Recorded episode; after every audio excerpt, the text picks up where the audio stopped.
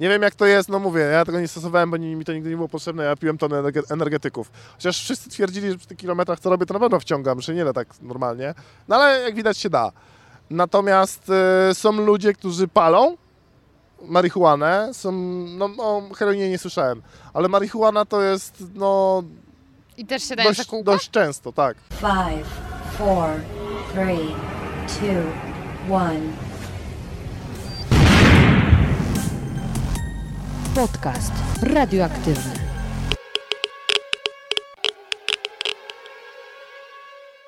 Dzień dobry, dzień dobry. Witam Cię w kolejnym odcinku podcastu radioaktywnego.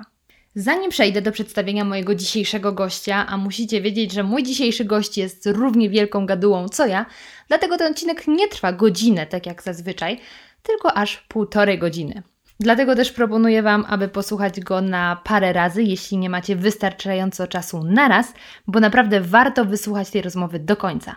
A teraz krótkie ogłoszenie dusz podcasterskie, mianowicie założyłam konto na stronie Patronite, a to oznacza, że jeśli lubicie podcast, jeśli nie wyobrażacie sobie poniedziałku bez niego, to teraz możecie dołączyć do grona moich patronów, a właściwie patronusów i w wymierny sposób wspierać moją działalność, wspierać rozwój podcastu i być w gronie super ludzi, którzy teraz mają dostęp do dodatkowych materiałów, a także pewnych prezentów, które dla nich przygotowałam. Więcej szczegółów znajdziecie w ostatnim odcinku, właściwie w takim specjalnym odcinku, dlatego nawet nie jest numerowany, a także w linku w opisie odcinka. A teraz już przedstawiam Wam mojego dzisiejszego gościa. Jest nim Damian Janiak, który jest naprawdę wyjątkowym gościem, ponieważ szukałam go przez długi czas. Szukałam go, ponieważ wykonuje on zawód, który niezwykle mnie interesuje i bardzo chciałam poznać kulisy wykonywania tej pracy. Ostatecznie znalazłam Damiana na YouTubie, ponieważ właśnie tam prowadzi kanał pod nazwą Road Vlog i dzieli się tam filmami, w których dokumentuje swoje życie jako kierowca busów na trasach międzynarodowych. W moim podcaście opowiedział mi nie tylko o takich dość niewygodnych tematach jak alkohol, narkotyki czy leśne ssaki, ale także porozmawialiśmy o kulisach wykonywania pracy kierowcy, czyli o tym, gdzie śpią, co jedzą, a także jakie mają sposoby na to, aby nie zasnąć w trasie. I to już właściwie tyle. Nie przedłużam, bo jest naprawdę co słuchać. Zapraszam Was bardzo gorąco do wysłuchania naszej rozmowy. Mój drogi Damianie, jak ja strasznie długo czekałam na to spotkanie, bo ja na nie czekałam zanim Ty jeszcze wiedziałeś, że ja Cię chcę zaprosić. To już było wtedy, kiedy ja czekałam na to spotkanie. Bo jesteś tak ciekawą osobą, że ja zaraz Ci oczywiście przedstawię, kim jesteś, ale ja muszę zrobić długi wstęp. Jak trafiłam na Twój kanał, to miałam już za sobą kilka kanałów na YouTubie, które prowadzą osoby, które jeżdżą na jakichś właśnie ciężarówkach, busach, bo szukałam takiego gościa. Strasznie mnie interesuje życie w podróży, ale jako kierowca. I właśnie przeglądałam te kanały i nikt nie miał takiej charyzmy albo takiej osobowości, która by do mnie przemówiła. Serio. Wszyscy byli tacy gdzieś smutni, albo super poważni, albo tacy ważni i, i wtedy jesteś ty. Cały u, uchachany. Po prostu człowiek, który cieszy się wszystkim i stwierdziłam, to będzie mój gość. No i napisałam i w końcu nam się udało spotkać, także już teraz mogę powiedzieć. Problemów. Dzień dobry, dzień dobry. Bardzo miło gościć cię, gościć cię w moim podcaście. To już skończyłam. To dzień dobry, dzień dobry. Dzień dobry. Słuchaj, pierwsza nasza wspólna rzecz, którą odkryłam oglądając Twoje filmy. Oboje kochamy Lidla. Oj no. Oj no. Ja może y, muszę powiedzieć szczerze, że w Polsce kiedyś nie tak. Chociaż teraz nikt mi za to nie zapłacił, od razu mówię. No mnie też nie, no. Ale y, jakoś tak zawsze odczuwałem delikatnie różnicę jakości. Nie wiem jak jest teraz, bo ja w Polsce robię bardzo rzadko zakupy. Natomiast y, za granicą Lidl to jest taki sklep y, tańszy, bym powiedział. Co dla mnie to w ogóle był szok, taki straszny kulturowy, można powiedzieć. Jak pojechałem pierwszy raz do Francji, się okazało, że Aldi czy Lidl y, niemieckie są tańsze od francuskiego Carrefoura, czy się Casino nazywa, Jean. I wchodzę do takiego Carrefoura, patrzę na ceny i... Tak. Wchodzę do Lidla, ale czy też zauważyłeś, że w Lidlu we Francji, bo ja akurat w Paryżu y, jakiś czas pomieszkiwałam, w Lidlu kupują głównie osoby z niższych warstw społecznych, często osoby czarnoskóre i tam naprawdę to, co się dzieje czasami w Lidlu, to jest takie wow, u nas się takie rzeczy nie dzieją czasem. No nie no, walki o karpie są. Oni chyba nie jedzą karpi, ale na pewno coś walczą. Ślimaki pewnie. Nasze Znaczy, ślimaki. y, to jest chyba związane z tym, co, o czym mówiłem, że tam po prostu są niższe ceny i Francuzi ogólnie, jak i, y, jak i Niemcy, nie wiem, czy to jest uwarunkowane ich, ich podejściem, czy przepisami do, do, do, do płatami. Pieseł, proszę nam nie ruszać chodź, statywu. Chodź, bo z- z- zepsujesz statyw, chodź. Dobra. Pieseł oczywiście musi być na nagraniu. E, Parcie no na dobra, szkło. oddaję, żeby nie było, że ukradłem. Okej, on jednak jest mój. Nie no, e, mi się wydaje, że właśnie to jest związane z cenami, to jest raz. A dwa, że mm, tak jak powiedziałem, no ja najbardziej zauważyłem pierwszy, to był mój pierwszy wyjazd w ogóle za granicę 5 lat temu. Wjeżdżam do Niemiec i widzę same niemieckie auta. Dosłownie 90% to są auta typu Audi, Mercedes, e, Opel, Volkswagen i tak dalej. Musi być golf. I wjeżdżam do, do Francji i jest obrót o 180 stopni, same francuskie. Gdzie niegdzie widać audicę, bo to jest taka trochę lepsza klasa obecnie, ale na dobrą sprawę same francuskie auta jeżdżą. Inna sprawa, że w tym roku w ogóle Francja strasznie walczy z dieslami, bo tam 90% aut to są diesle, bo tam była duża różnica w cenach Mhm. paliw. Ale nie wiem, czy to jest spowodowane tym, że po prostu w Lidlach jest taniej, czy dlatego, że Francuzi mają taki trochę poczucie patriotyzmu gospodarczego, bo, bo widać generalnie większy ruch tam, gdzie, Gdzie jest Francja, ich przemysł. tak. Tak. Ale Jest- mam w ogóle wrażenie, że kupowaliśmy rzeczy w tym samym Lidlu w Mediolanie. Wydaje mi się, Możliwe. jak oglądałam na vlogu, że to był ten sam Lidl, gdzie chodziłam po papier toaletowy, także mówiłam, że coś nas łączy. papier toaletowy. Mówiłam, że się będziesz śmiał. Mówiłam, ostrzegałam. Oj Dobra, tam, oj tam. Ja się śmieję na co dzień, no. no właśnie, to dlatego twoje vlogi są cudowne. Więc ja tak jak zwykle zaczęłam od końca, znaczy od dziwnej strony. To powiedz nam teraz, żeby to ta rozmowa nabrała takich profesjonalnych ram, jak zaczęła się twoja historia z busami? Który to już raz. Tak. dobra, na potrzeby, nie jestem u siebie, wiadomo. E, jak się zaczęła moja historia z busami? Generalnie miałem 24 lata, byłem takim trochę zbuntowanym nastolat, znaczy nastolatkiem, Zbuntowany no już anioł. nie, ale zbuntowanym młodym człowiekiem. E, ja ogólnie w, w młodym wieku, bo miałem 20 lat, jak się wyprowadziłem i stwierdziłem, że o, hulaj, dusza piekła nie ma, ja sobie poradzę. Oczywiście mama mi tłumaczyła, że sobie nie poradzę, że moja pensja to, no niby jest okej, ale nie do końca. No ale ludzie w tym wieku rzadko słuchają rodziców. No i jakoś tak pracowałem tu, tam, zahaczałem się trochę po drodze, miałem taki trochę y, przykry epizod, no ale wróciłem, że tak powiem, do pierwotnej pracy, czyli pracowałem sobie jako dostawca, dostawca tam gdzieś w Coca-Coli u prywaciarza. No i przyszedł gościu, e, no człowiek w wieku 24 lat nadal uważam, że jeszcze nie jest jakiś super rozgarnięty życiowo i słuchaj, tutaj masz tyle i tyle pieniędzy ci dam, na pewno będziesz zarabiał trójkę i w ogóle, no i tak myślałem, myślałem, ja skuszę się. No i tak się skusiłem, że okazało się, że zarabiałem tylko 200 zł więcej niż w poprzedniej pracy, a byłem dziennie 3-4 godziny dłużej. Mm, I stwierdziłem, że te 200 zł nie są tego warte. Zadzwoniłem do mojego pierwszego pracodawcy. Mama tłumaczyła mi zawsze, że nie należy palić mostów. tak. To się przydało strasznie. No i on do mnie mówi, słuchaj, wiesz co, no nie ma roboty w Coca-Coli, to tam, to już taki smutny. Ale po godzinie do mnie dzwoni, wiesz co, ale miałbym robotę dla ciebie, nie? Ja mówię, jaką? A on mówi, że no nowym busem na międzynarodówce po Unii. Ja tak, co? Jakiej Unii? Jakim nowym busem? Krystian, przecież u was 10-15 lat mają busy. O co ty mi mówisz?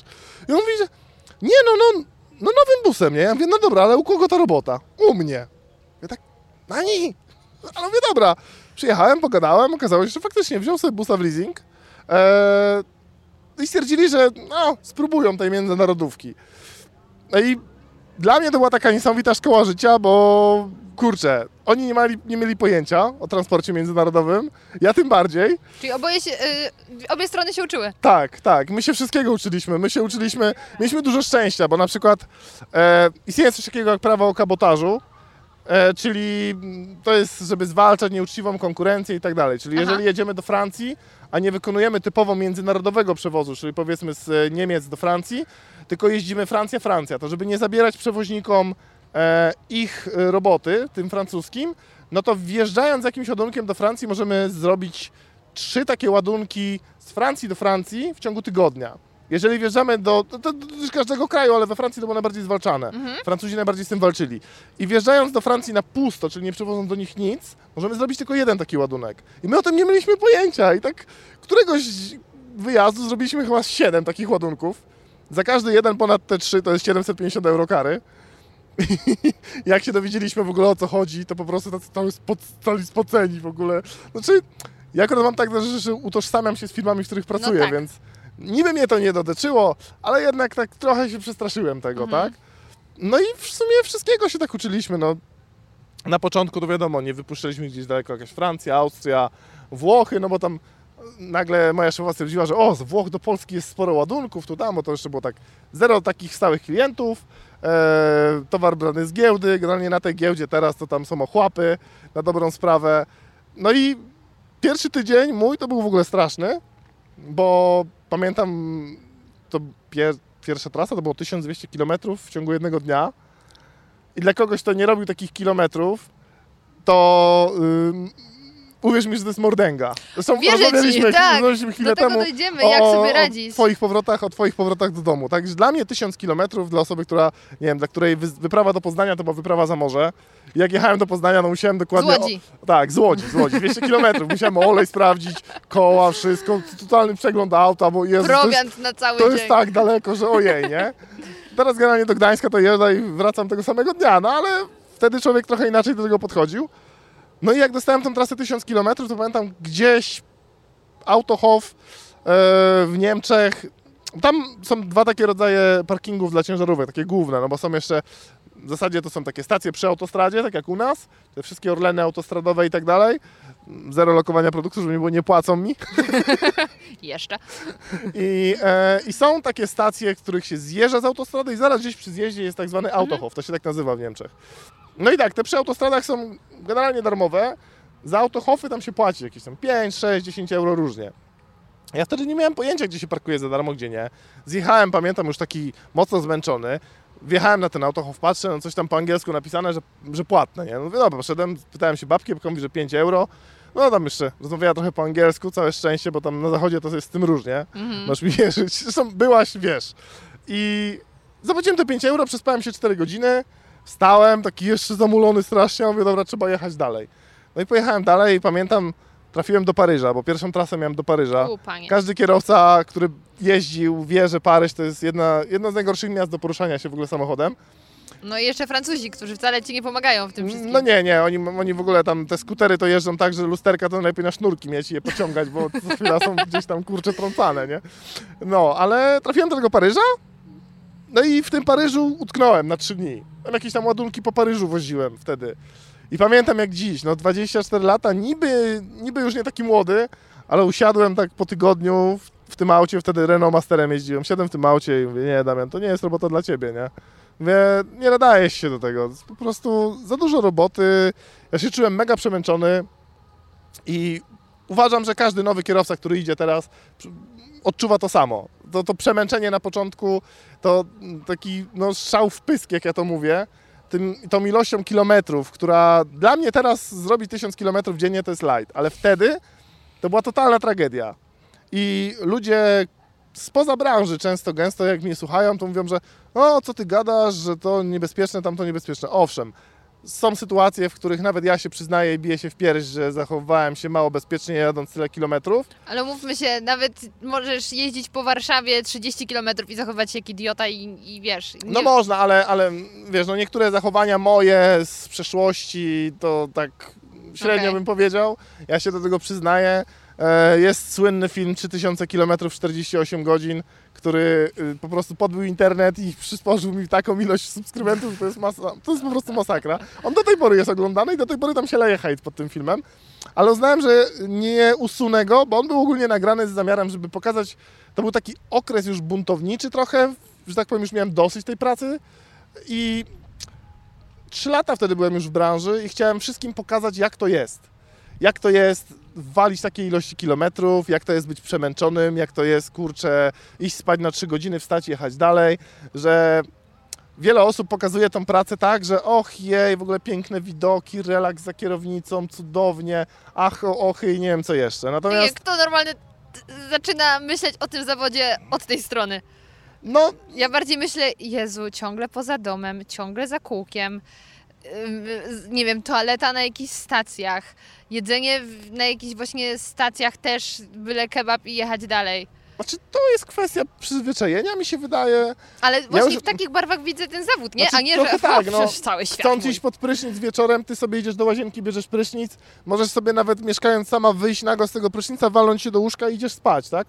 A my za każdym razem, jak idziemy pod prysznic, idziemy pod ten prysznic, no wypadałoby w torbę wziąć ciuchy drugie, więc idziemy pod ten prysznic, płacimy za niego 3, 4, czasami 5 euro, czasami 2, no czasami jest za darmo, tak? No ale to już jest mało ważne. Musimy wyjść z tego auta jeszcze latem, to, to spoko, Ale zimą. ale zimą minus 20 czasami idziemy, wychodzimy spod tego prysznica. Często ja na przykład tak mam, bo ja jestem zaleniwy i nigdy włosów nie suszę, więc często gęsto muszę wychodzić w kapturze obadulony, w kurtce i tak dalej. Yy, ale to jest kwestia, mi się wydaje, przyzwyczajenia. No, my mieliśmy taką fajną przygodę w tamtym roku, pojechaliśmy na Złombol z chłopakami. O, czym jechałeś? E, polonezem, Ach. rojem jechaliśmy. Bardzo fajna przygoda, zresztą powstał z tego też film, tylko strasznie tam bluźnimy. to, to, dla ludzi plus 18. E, no i wtedy sobie uświadomiłem, jak bardzo już znam Europę, bo Mhm. jadąc gdziekolwiek, nawet jakieś tam mniejsze drogi czy coś Ty, takiego, no, pierwszy twój film na YouTubie to jest jak pokazujesz włoskie miasteczko, nie wiem czy to nie było jakieś... to było Arezzo. Arezzo. Arezzo, tak. I, Kurczę, no jak A ty- siebie, a tu jest parking na przykład, a tutaj idziemy sobie taką, to jest jakiś kościółek, no. Ale to, wiesz co, to było tak nagrane trochę w śmieszny sposób, bo moja historia z YouTube'em, to wiele razy już opowiadałem, zaczęła się od tego, że mam kolegę, de facto z Warszawy, z Ursynowa i, i on jest fotografem i zawsze uważał, że, że mi te filmy w miarę wychodzą, bo ja ogólnie zajarany filmami też jestem jakieś 8 lat, trochę tam z driftingu, ogólnie od tego się zaczy, zaczynało, jakieś tam filmy z driftingu, jakieś tam z eventów i tak dalej. No i ja jak na początku pojechałem w tą trasę, no to no nie da się nie zachwycić. Pojedziesz do Monako, zobaczysz to Monako, no to chodzisz się zachwycasz, tak? Zobaczysz inne miejsca, też się zachwycasz. No to pierwsze co, no to wyjmujesz smartfona, robisz tam jakieś zdjęcia. No i niektóre zdjęcia, pomimo, że ten smartfon nie był najwyższych lotów, wyszły po prostu genialnie. Do tej pory patrzę na zdjęcia z Monako, to akurat fakt, był poranek, czyli golden hour, idealne światło i to pięknie wyszło. Krzysztof Gądziarz byłby z ciebie dumny. No, ale wyszło, wyszło to naprawdę fajnie i Michał jak oglądał z, y, te, te, y, te zdjęcia, on to powiedział, że kurde stary, czemu tu nie założysz jakiegoś profilu, nie wiem, Instagrama, gdzieś coś, jakiegoś profilu w necie, żeby się chwalić tymi zdjęciami. Ja tak do niego mówię, wiesz co Michał, nie, ja nie umiem robić zdjęć. Mówię, to, to, to wyszło z przypadku. No ja wolę filmy, nie? Wolę obraz ruchomy. No i on tak, który mi truł ucho strasznie, parę piw później to już w ogóle mi truł ucho i stwierdziłem, że a, dobra, to kiedyś spróbuję. No i w sumie to tak się zaczęło, że stałem w tym Arezzo, bo tam utknąłem na kilka dni, na cały weekend. Miałem iść w weekend, ale tak, w niedzielę padało. No i w poniedziałek był takim przełomem na moim YouTubie, że tak powiem, z moją historią z YouTubem, bo cały poniedziałek stałem, znowu nie było ładunku, no bo to była ta pierwsza firma, nie radziliśmy sobie aż tak dobrze. No i stwierdziłem, że skoro stoję cały poniedziałek, jak mam znowu siedzieć w tym aucie, to a, przejdę się po tym Arezzo. No fajne miasteczko, wydaje się i tak dalej. No i wziąłem telefon, wziąłem, podpiąłem słuchawki, mówię, to, to sobie coś tam pogadam i normalnie telefon w ręku trzymałem i poszedłem sobie, poszedłem sobie zwiedzać, nie? To pamiętam, że tak się zagłębiłem, że, że część tego materiału w ogóle nie dawała się do niczego, bo było tak ciemno, że no, nie dało się tego użyć, bo telefon nagrywany, znaczy materiał nagrywany telefonem po ciemku, to, to uznajmy I jeszcze jeden to było wielki szum. jakiś czas temu, nie? Tak, to było jakiś czas temu, więc to nie był jakiś tam, no to był flagowiec, ale jakość była, pozostawiała dużo do życzenia. No i w sumie, kurczę, jakoś tak to nagrałem. Zmontowałem to wtedy, nie wiem, w Windows Movie Makerze czy w czymś, nie pamiętam nawet czym to było montowane. Nienawidziłam tego programu. Za każdym razem się zwieszał i nigdy nie udało mi się tam zmontować filmu. Nigdy. Znaczy, ja chyba zacząłem ten odcinek, ale koniec końców zrobiłem to w Vegasie, o ile Ha, się nie widzisz? Moja teoria się sprawdza. Wie, bo wiem, że ta mapka była z tym ruchomym busikiem i tam musiałem coś kombinować, tego się w Movie Makerze nie da zrobić. No. Eee, no i no i tak się zaczęło z YouTube'em. I tak się I zaczęło tak z YouTube'em. Nag- nagrałem, nagrałem jeden odcinek, potem jakoś drugi, trzeci. I tak mi się to spodobało, że stwierdziłem, że a, to wezmę sobie GoPro. No wtedy generalnie przepierdzielałem całą kasę, którą zarabiałem, więc nie stać mnie było do końca, więc zamówiłem sobie na raty GoPro, pamiętam wtedy. Eee, to jeszcze była Silver 4 z ekranikiem z tyłu, żebym widział, co nagrywam i tak dalej. Jakiś tam pierwszy statyw, mikrofon później. No i tak to trwało. No. W momencie, kiedy jeszcze pracowałem w tej firmie, w której, że tak powiem, tej drugiej, w której powstały te wszystkie kontrowersyjne filmy na temat ilości kilometrów i tak dalej. E, Zresztą e, szef tej firmy nawet swego czasu do mnie kiedyś pisał i prosił, żebym usunął pewne filmy z internetu, bo to robi im złą reklamę. E, Natomiast e, w momencie, kiedy ja wyszedłem tam któregoś dnia z e, ofertą do nich, że zróbmy jakąś razem serię, taką pokazującą tą pracę od środka i tak dalej, to tak na mnie krzywo popatrzyli i powiedzieli, że a, fu, nie będziemy sobie robić antyreklamy, bo pewnie nic nie umiesz i tak dalej, nie? A szefowa wtedy do mnie powiedziała, że no musieliby najpierw zobaczyć, na co mnie stać. No to stwierdziłem, że no dobra, to, to, to, to pokażę, jak ta praca wygląda samo od środka, no i pokazałem. No i jak poszedłem do nowej firmy, to wtedy pamiętam, to jeszcze taki fajny epizod był, stwierdziłem, że a, rzucę się na głęboką wodę, zróbmy vlogi codziennie. Bo był problem taki, że na przykład wiele aspektów nie pokazywałem w tych vlogach, kiedy kręciłem tylko jak jest coś ciekawego, czy kręciłem, filmowałem, bo zaraz się tutaj Mhm. filmowcy oburzą. I, I wiesz, stwierdziłem, że no to pokażę każdy dzień po kolei, to ludzie będą dokładnie widzieć, jak ta praca wygląda. No to był trochę strzał w kolano, bo po pół roku takiego tworzenia się, no człowiek był wymęczony całkowicie, bo sfilmować to jeszcze sfilmować. No, do, dochodzi, dochodzi mniej więcej godzina dziennie na samo Tak. sfilmowanie, ale montaż każdego odcinka to Mhm. były 3-4 godziny i czasami ciężko było znaleźć czas na sen. No Czasami, na przykład jak miałem wolny weekend, to cały weekend siedziałem przy laptopie, żeby nadrobić ten czas, kiedy na przykład nie miałem czasu. No i trochę się tym wymęczyłem i potem tak y, nadszedł jeszcze tam fala hejtu i tak dalej, no ale mniejsza z tym już, na dobrą sprawę. I mówię, no dwa przełomy były. Jeden to ten film taki kontrowersyjny i drugi jak zacząłem codziennie wstawiać te vlogi. No, to był taki czas, że algorytm YouTube'a działał na moją korzyść, bo mało ludzi sobie zdaje sprawę, że tak naprawdę algorytm YouTube'a ma bardzo duże znaczenie w tym, e, co ludzie oglądają, a co nie. ma całkowite znaczenie. No, dokładnie. Tylko, że widzowie tego, No tego myślę, nie że biorą mają na kontrolę, poważnie, nie, ale nie to mają, i tak nie do końca. nie mają do końca świadomości tego. I to był taki rok, gdzie algorytm YouTube'a nastawiał się bardzo na daily vlogi, czyli vlogi codzienne. Ludzie, którzy udostępniali coś co tydzień, byli mocno poszkodowani. No, ja się akurat tak wbiłem, trochę się to przebiło, zdobyło to trochę, że tak powiem, widzów. No i ostatnio się mnie kolega zapytał, mówi, ty stary, ty masz gdzieś jakiś, nie wiem, dzień, czy ktoś się nie pozna i tak dalej.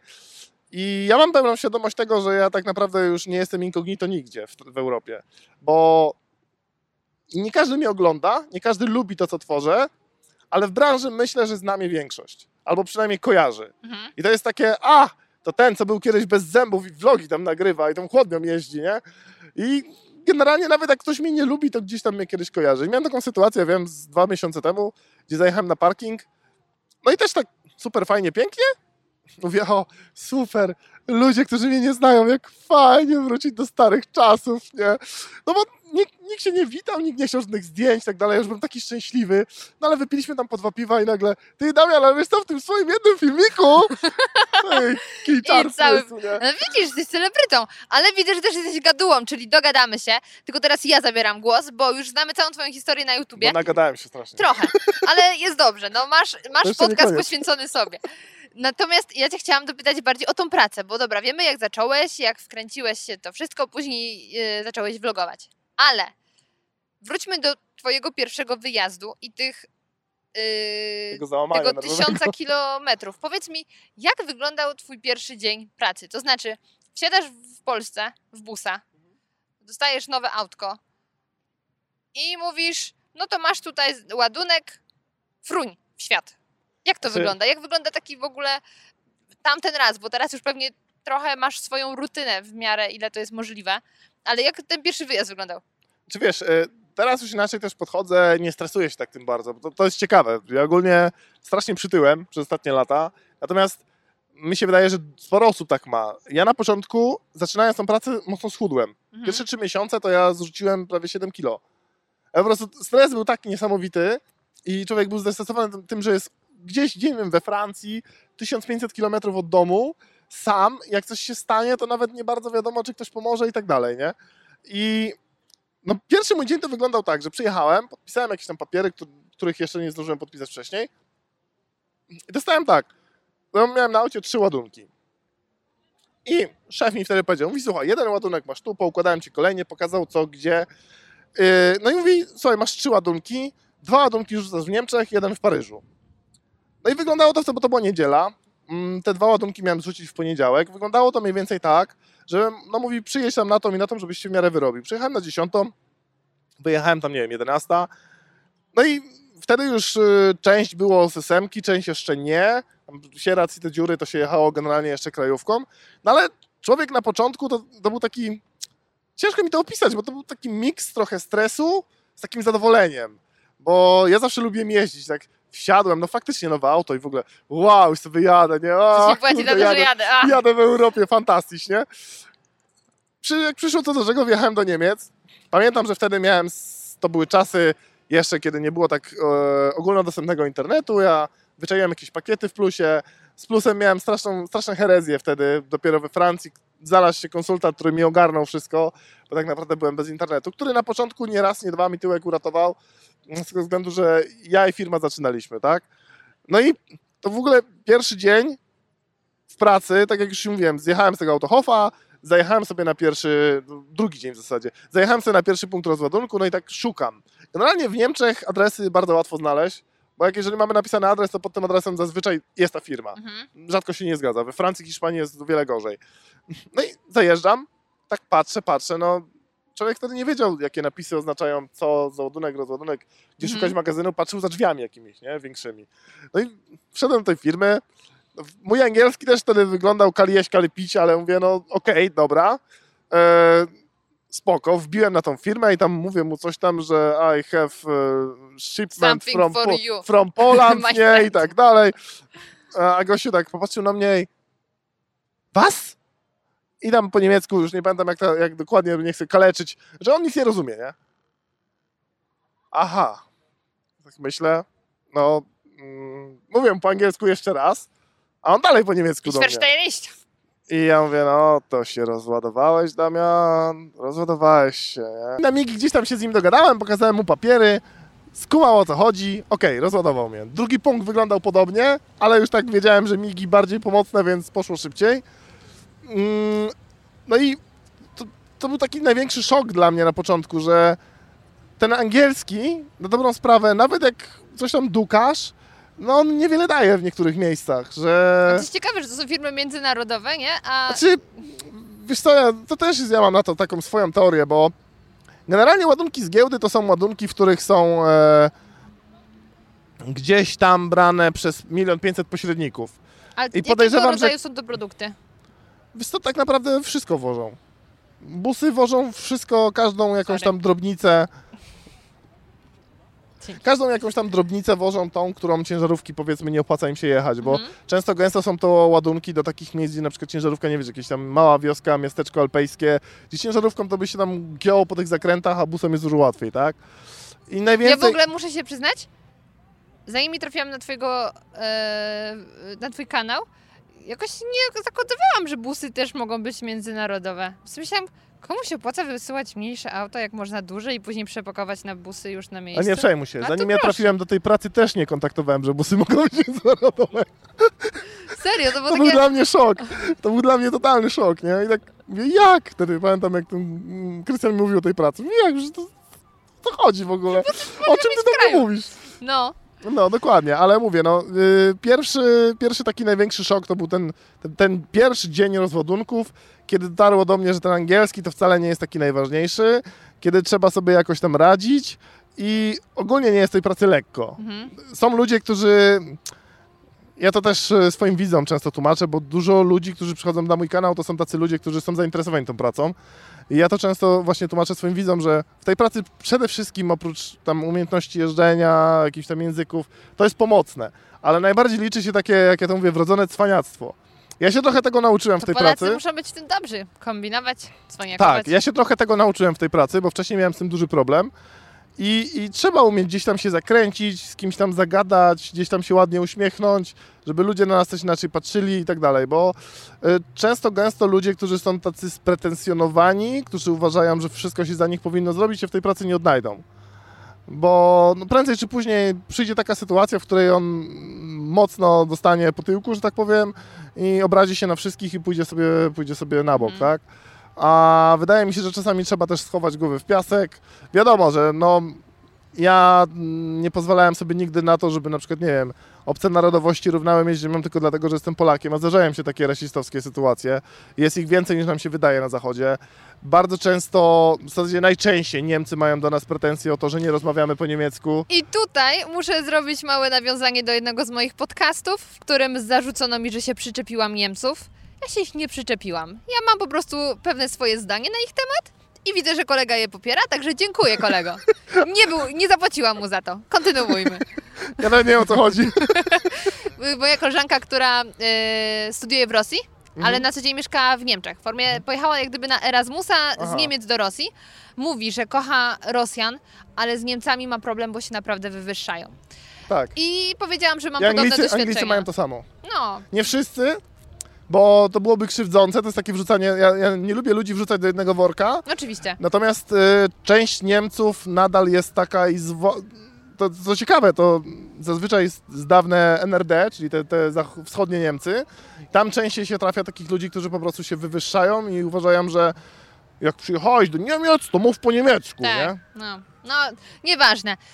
Ym, dobra, czyli język zaskoczenia i kombinatorstwo, cwaniakowanie też trzeba sobie po prostu umieć radzić, być zaradnym, ale zastanawia mnie, y, w jaki sposób przygotowałeś się do tej podróży, to znaczy, co zapakowałeś do torby?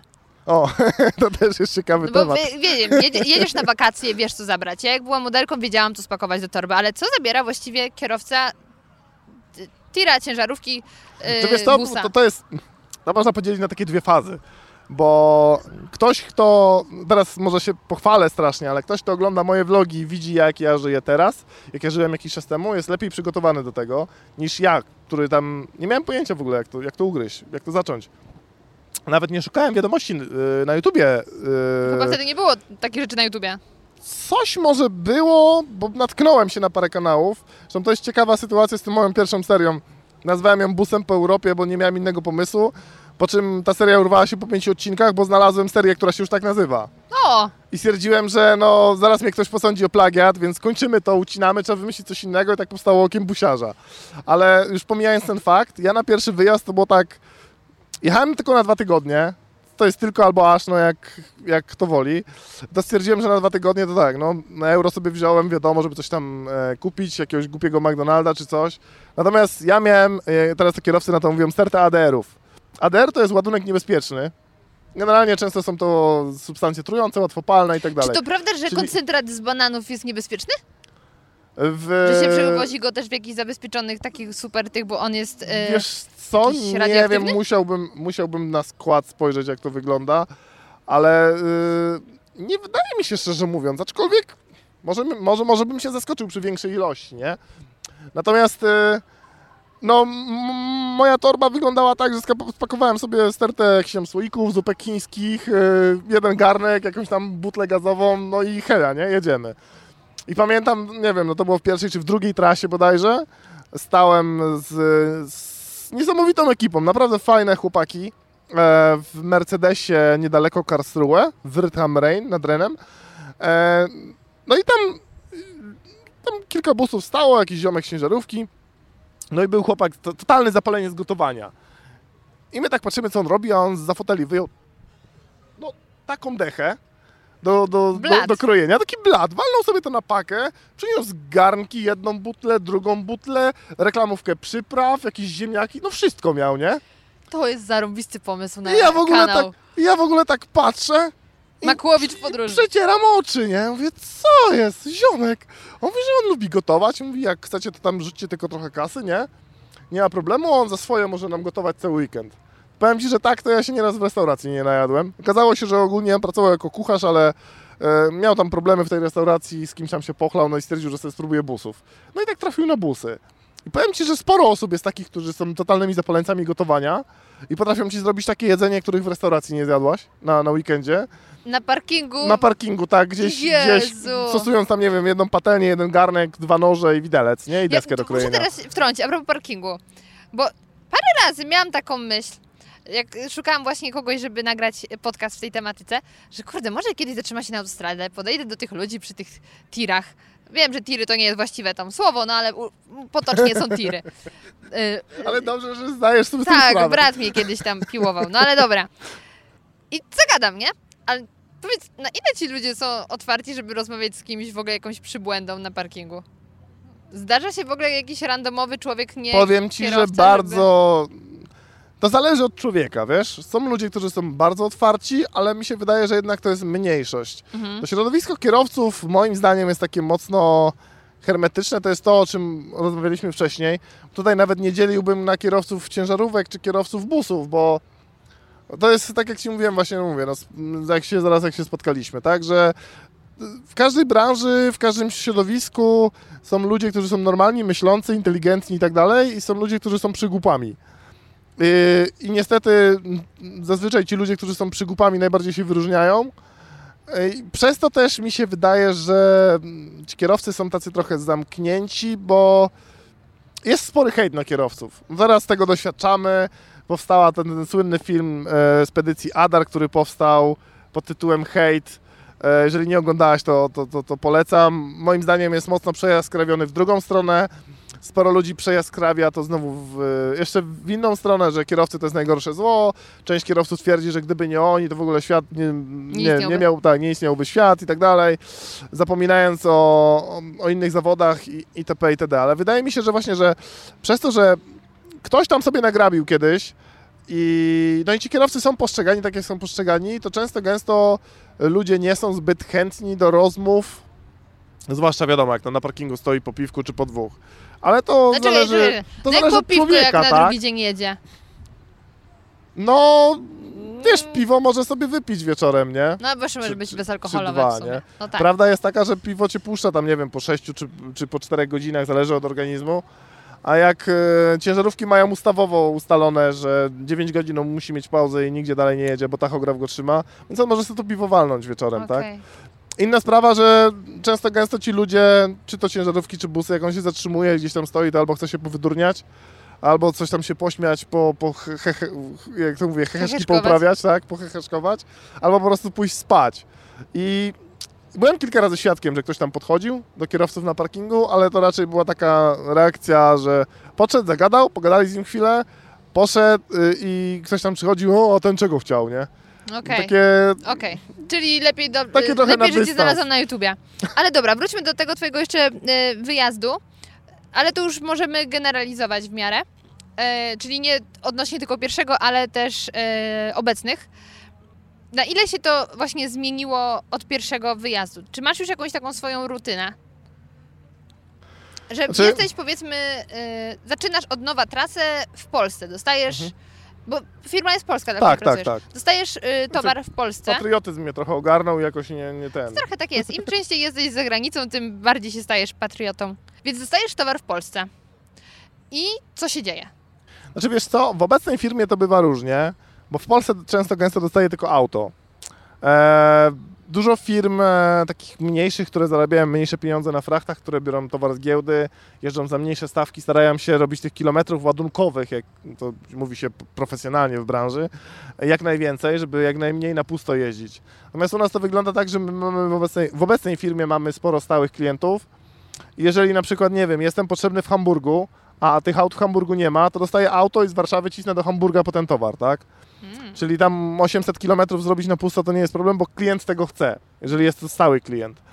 Yy, No jest to moim zdaniem profesjonalne podejście do klienta jak najbardziej. No, ale okej, okej. Natomiast yy, wiesz, kiedyś wyglądało to też, ja, ja mówię, moje, moje życie to się podzieliło na takie trzy fazy, jeżeli chodzi o życie w trasie, bo na początku zacząłem od tych ADR-ów, jak ja to mówię, czyli zupki chińskie, słoiki i tak dalej. Wiadomo, że no, pakowałem jakieś tam ubrania itp. Potem jak się ogarnąłem, że można gotować, a ja też tam trochę lubiłem kiedyś popichcić, teraz już mi się nie chce, zaleniwy się zrobiłem. No ale to brałem, wiadomo, garnki, patelnię, jakąś tam kuchenkę, zawsze miałem ze sobą przyprawy. E, kiedyś miałem taki, no, a propos rutyny, rutyna mnie kiedyś zgubiła i wszystko spakowałem sztućców. No generalnie No. bez sztućców trochę ciężko się je, więc pierwsze Tesco jeszcze jakie miałem, nie było pojedynczych, więc musiałem kupić komplet. No i taka wesoła historia. Staliśmy na parkingu i był taki młody chłopak z dziewczyną, pojechał w trasę, okazało się, że to był spedytor. Jakiś kierowca się zwolnił i oni Spedytor to potrzebowali... jest osoba, która ustawia Szuka zlecenia? ładunków, ustawia zlecenia, ustawia trasy.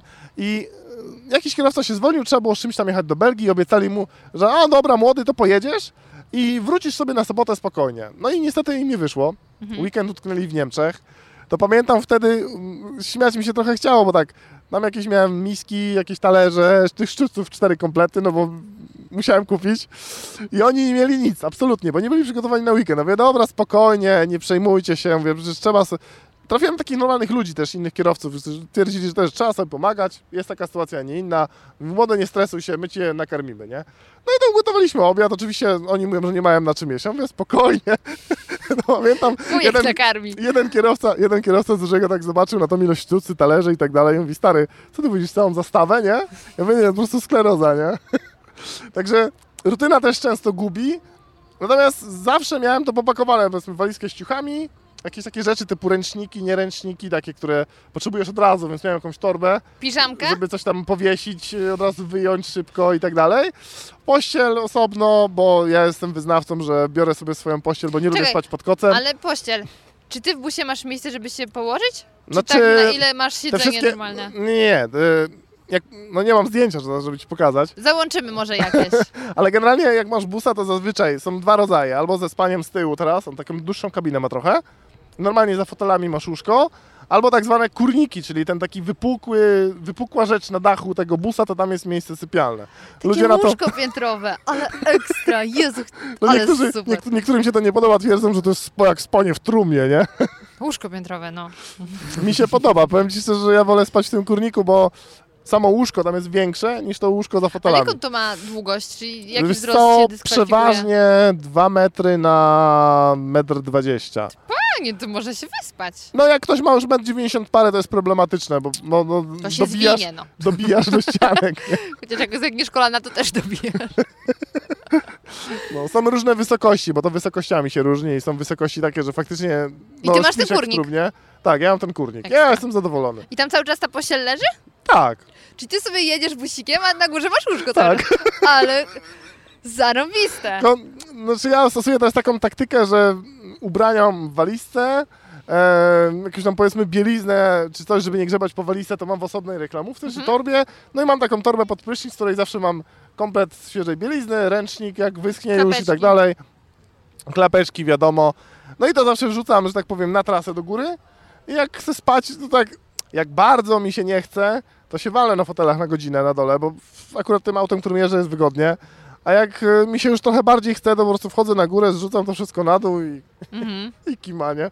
Ale dla mnie bomba, że ja tak naprawdę tą pościel e, rozkładam sobie tam prześcieradło pod materac, zawijam, żeby mi się nie fajtało i ona sobie tam, ona sobie tam leży. Jak trzeba wieczorem iść spać, to po prostu idę, zrzucam wszystko na dół, rozkładam prześcieradło do końca i lulu, nie? Nie wiem, ludzie chyba tak pospolicie wulgarnie na to po prostu Okej. mówią, tak? Nie ma... Czyli Czy, leśne ssaki są słyszałem takie bardziej strażniczki lasu też. ładne. Bo teraz mi przyszły do głowy jagodzianki, nie wiem czemu.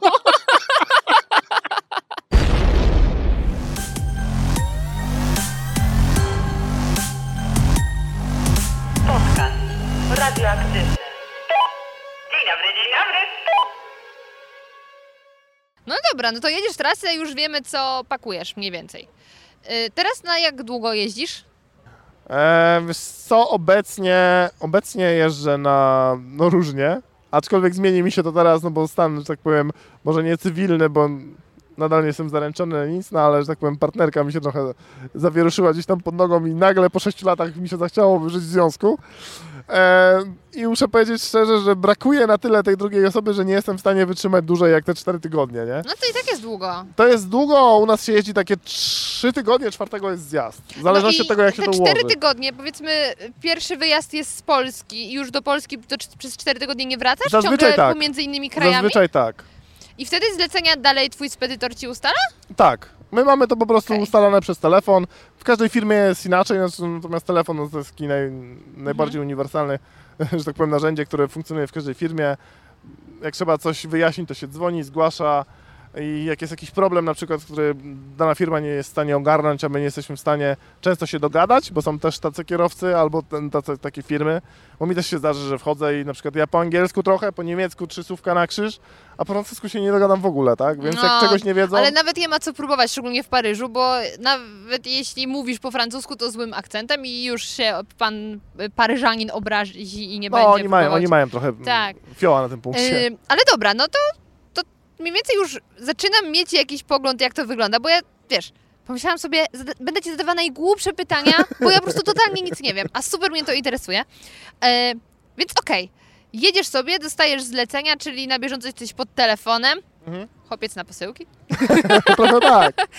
Y, powiedz mi, jak wygląda organizowanie tych tras? To znaczy, czy może być tak, że po trasie właśnie tysiąca tych kilometrów, które zrobiłeś w ciągu dwóch, trzech dni, no to No, w ty dnia. jednego, nagle jesteś super zmęczony, a spedytor daje ci trasę na koniec, nie wiem, Europy, żebyś później wrócił do tego samego państwa. Zdarza się, czy bardziej wymyślają tak, żeby to było jakoś w logiczną całość E, Znaczy, wiesz co, to zależy od firmy. Był ostatnio głośny reportaż e, o, o pewnej firmie, no nie będę nazwy podawał, bo tam nie chcę mieć problemów ani nic. Natomiast I tak cię już nie o nich, o, nich, o, nich, o nich było dość głośno, zanim w ogóle ten reportaż był na, Mhm. na jednej z telewizji, o traktowaniu Ukraińców, że trzy dni pod rząd mają jechać i koniec, a jak nie, to śmieć jest do wyrzucenia Mhm. i, i znajdą sobie innego. Są firmy, tak zwane dziad transy, które kierowcy w ogóle nie szanują. O Boże, jakie to fancy. To jest, to jest termin, który funkcjonuje od dawna, dziad trans. E, I są firmy, które tych pracowników szanują. No u nas, u nas przede wszystkim nowi mają ciężko, bo nowego trzeba poznać, zobaczyć jak jeździ, czy sobie daje radę i tak dalej. Też e, ta pensja jak na polskie warunki nie jest mała, więc wymagają też trochę więcej. E, no, ale z tych stałych kierowców zazwyczaj spedytorzy wiedzą na co kogo stać. Jeżeli jest taka sytuacja, bo ja to każdemu powtarzam, to jest takie moje ulubione hasło, więc tobie też powtórzę, że z jazdą trochę jest jak z wódką. Że jak masz dzień, to pojedziesz 1000 km i jesteś wypoczęta, a jak masz dzień, to po 500 km będziesz padała głową na kierownicę i dalej nie pojedziesz. A masz I- dzień, że nawet nie spojrzysz i już leżysz. No... Wąchniesz i, i fajnie. Powąchasz, nie wiem, amol. No ale, e, ale u nas kierowcy zazwyczaj, e, spedytorzy znają kierowców, natomiast jeżeli jest taki dzień, no to ewidentnie trzeba to zgłosić spedytorowi, że słuchaj, no, No i co czuję, się, spedytor wtedy powie? czuję się źle, no Mądry spedytor i głupi spedytor. mądry spedytor i głupi spedytor. Głupi spedytor to powie, że jego to gówno obchodzi i masz dojechać i koniec, bo takie jest zlecenie. I, I są takie firmy i są tacy spedytorzy. Są tacy spedytorzy, którzy... Są to takie parkingowe legendy trochę częściowo, ale no ja sam byłem kiedyś świadkiem, jak... y, Ależ ty się wiercisz. Wierci się, nie? Dobra, wezmę to tutaj. E, Byłem kiedyś świadkiem w... Nie wiem, nie mam pojęcia jak się to wymawia. Gior. Węgierski. Dior? Super! Węgier, węgierska miejscowość, tam jest fabryka Audi. No i zrzucałem się tam w sobotę. No dziwo, no w sobotę mieli czynne, więc no spoko. Rano w sobotę do jakiś ekspres jechałem i trafiłem na chłopaka z Polski też. I powiem Ci szczerze, że ja na początku jak go zobaczyłem, to się wystraszyłem. Naćpany, jak nic. Po prostu naćpany, jakiś nabuzowany czymś czy coś. Nie mam pojęcia. I dzwoni do niego szef i mówi, wiesz co, słuchaj, bo jest taka robota, że, że ten, walniesz, walniesz mi tam, y, jak to rozładujesz, to machniesz mi tam, kurczę, do tego, pod Monachium, no tam jest, ja wiem, z 600 km będzie, z 600-500. Machniesz pod Monachium y, i załadujesz w niedzielę rano y, do Portugalii. No, z Monachium do Portugalii to już jest ponad 2000. I ja tak słucham, a ten kierowca do niego mówi, wiesz co Maciek, mówi, jak weźmiesz tą trasę, to ja Ci obiecuję, że auta z kluczykami to będziesz sobie szukał na fabryce Audi w Węgrzech, a on mówi, ja wracam pierwszym lepszym autobusem do domu, bo stary, ja od środy nie spałem. Spałem 3 godziny, to była sobota, przypominam, nie? I powiem Ci, że jestem w stanie w to uwierzyć, bo jak chłopak poszedł spać i tam wstał po tych 12 godzinach, to był zupełnie inny człowiek. Ten człowiek, który mnie wystraszył na początku, że jest, no mówię, myślałem, że jest naćpany czy coś, wyglądał strasznie, dosłownie. Tak, yy, no ja spotkałem innego człowieka po 12 godzinach, nie? Jak on wstał. A powiedz mi, czy rzeczywiście zdarza się, że kierowcy jadą na speedach takich dodatkowych? Zdarza się. To grubo. Ja miałem, to wiesz co, to nawet nie to, że jadą, ja miałem kiedyś przyjemność, e, albo nieprzyjemność, stać na parkingu z chłopakami i to, to temat niby taki, taka tajemnica Poliszynera, ale e, wiesz, sytuacja z Hiszpanii. W Hiszpanii to jest dość popularne i dość łatwe, łatwo dostępne są dragi. Eee, chłopaki do mnie podeszli i mówią, że e, wiesz co, słuchaj, kolego, do Gawy byśmy podjechali, tam do bankomatu potrzebujemy podjechać, nie? Ja mówię, na co im bankomat, co na stacji? Ale mówię, no dobra, to wam podjadę, ale ja swoim autem nie jadę, bo ja mam już rozłożone wszystko do gotowania na kolację tam i tak dalej. Mówię, no dobra, to pojedziemy moim. Tak niechętnie trochę, no ale wsiadłem. Busik? Busik, busik. Pojechałem z nimi i to była taka sytuacja, że to było centrum generalnie Gawy, więc było ciężko o parking, więc ja ich wysadziłem, oni mówią, że tu jest bankomat, to sobie poszli, a ja tak sobie krążyłem. Zrobiłem dwa kółka, w końcu znalazłem gdzieś tam miejsce przy śmietniku, zaparkowałem i podchodzi do mnie jakiś Hiszpan. I w ogóle coś tam mnie zaczepia, coś do mnie gada, ja mówię, stary, gadam do niego po angielsku, on ni, ni hu, hu nie? On do mnie po hiszpańsku dalej. Ja mówię, no, myślę, bo tam widziałem, że oni tam twarde SMS-y pisali, mówię, może oni się z nim mówili, nie wiem. No i faktycznie przyszli tam zadowoleni i tak dalej, coś tam do niego wołają. Oni do niego po polsku, on do nich po hiszpańsku, ale słuchaj, dogadują się, nie? I nagle to była, ja wiem, no godzina 17. Ja do tej pory oczom nie wierzę, co zobaczyłem. A gościu w biały dzień, 17, wyjmuje dragi, dropy, białe, marihuanę, co byś nie chciała, nie? Ale czy następnego Zrobili- dnia wsiadał do auta? Słuchaj, zrobili zakupy za 105 euro, to pamiętam jak dziś. I jeszcze temu Hiszpanowi wkręcili, że 5 zł to jest jak 5 euro. I dali mu te 5 zł. Hiszpan się tam trochę krzywił, ale w końcu tam machnął ręką i dobra, to dajcie. No i zajechaliśmy na ten parking. Idę sobie gotować, tak mówię, kurde, masła nie wziąłem, nie? Byłem w sklepie, się masła nie wziąłem. I idę do nich, mówię, "Ej, chłopaki, macie może masło pożyczyć? On mówi, dobra, dobra, weź tam w schowku. No i słuchaj, no sobota, tam piątek, a oni już posypana ściecha i wciągają, nie? Ja po prostu w szoku byłem, bo ja rozumiem, no generalnie amfetaminę wciąga się dla wydolności. Przynajmniej tak słyszałem, nie wiem, ja nie, ja nie stosowałem, tak? Bo miałem kolegę, który na przykład na imprezy chodził i on bez amfy nie potrafił się bawić. I następnego dnia wracał z imprezy i trawnik jeszcze kosił. No ale no, skoro to się wciąga dla wydolności, a oni mieli wolny weekend, to po co oni to wciągali? Ja tego nie rozumiem. Bo już w pewnym momencie ludzie chyba za bardzo przesadzają. Z Natomiast- drugiej strony ja chyba wolę, żeby ktoś wciągnął jak stoi na tym parkingu, niż później wsiada do auta. Cokolwiek by to nie Znaczy wiesz co, to- jeżeli chodzi o... Sporo o tym czytałem akurat w tej kwestii. Jeżeli chodzi o amfetaminę, to ją bym akurat nie uważał za jakąś najgroźniejszą, bo, No jeszcze jest heroina. bo wbrew, pozorom, wbrew pozorom po amfetaminie dużo, y, dużo bardziej mamy wyostrzone zmysły podobno. Nie wiem jak to jest, no mówię, ja tego nie stosowałem, bo mi to nigdy nie było potrzebne, ja piłem tonę energe- energetyków. Chociaż wszyscy twierdzili, że przy tych kilometrach co robię, to na pewno wciągam, że nie da tak normalnie. No ale jak widać się da. Natomiast y, są ludzie, którzy palą marihuanę, są, no o heroinie nie słyszałem, ale marihuana to jest, no, I też się dają za dość, dość często, tak. Mało tego, jeden z moich znajomych, e, nie będę tutaj podawał imienia, nazwiska, ale pozdrawiam za głupotę, zapłacił 750 euro, bo miał testy na sikanie w Niemczech. Co prawda palił w weekend, no ale THC generalnie ma to do siebie, że utrzymuje się do tygodnia, w zależności od ilości, którą wypalimy. E, No i palił sobie w weekend i we wtorek go trzasnęli w Niemczech i 750 euro z wypłaty poszło. A wtedy to była, ja wiem, 3 czwarte jego wypłaty, Hmm. więc tak trochę średnio. No ale za głupotę się płaci, tak jak, Ale wiesz, tak jak to ja bym nie dzielił tego na narkotyki i alkohol, bo ludzie po alkoholu wsiadają za kółko. Tak, no Do tej pory często są sytuacje takie, że nie wiem, stoimy na parkingu i widać akcję, że ktoś tam nachlany, zaczynają się bić, jednemu coś strzeli, wsiada Ale za kółko też kierowcy? Tak. Jezusie. I to ja wiem, że teraz, teraz to, to taką robię niedźwiedzią przysługę całemu środowisku kierowców, ale niestety uważam, że trzeba trochę posypać głowę popiołem, bo jest grupa osób, która robi nam taką antyreklamę, że te opinie nie wzięły się znikąd, nie? Mhm. Dobra, to wróćmy może do rzeczy pozytywniejszych.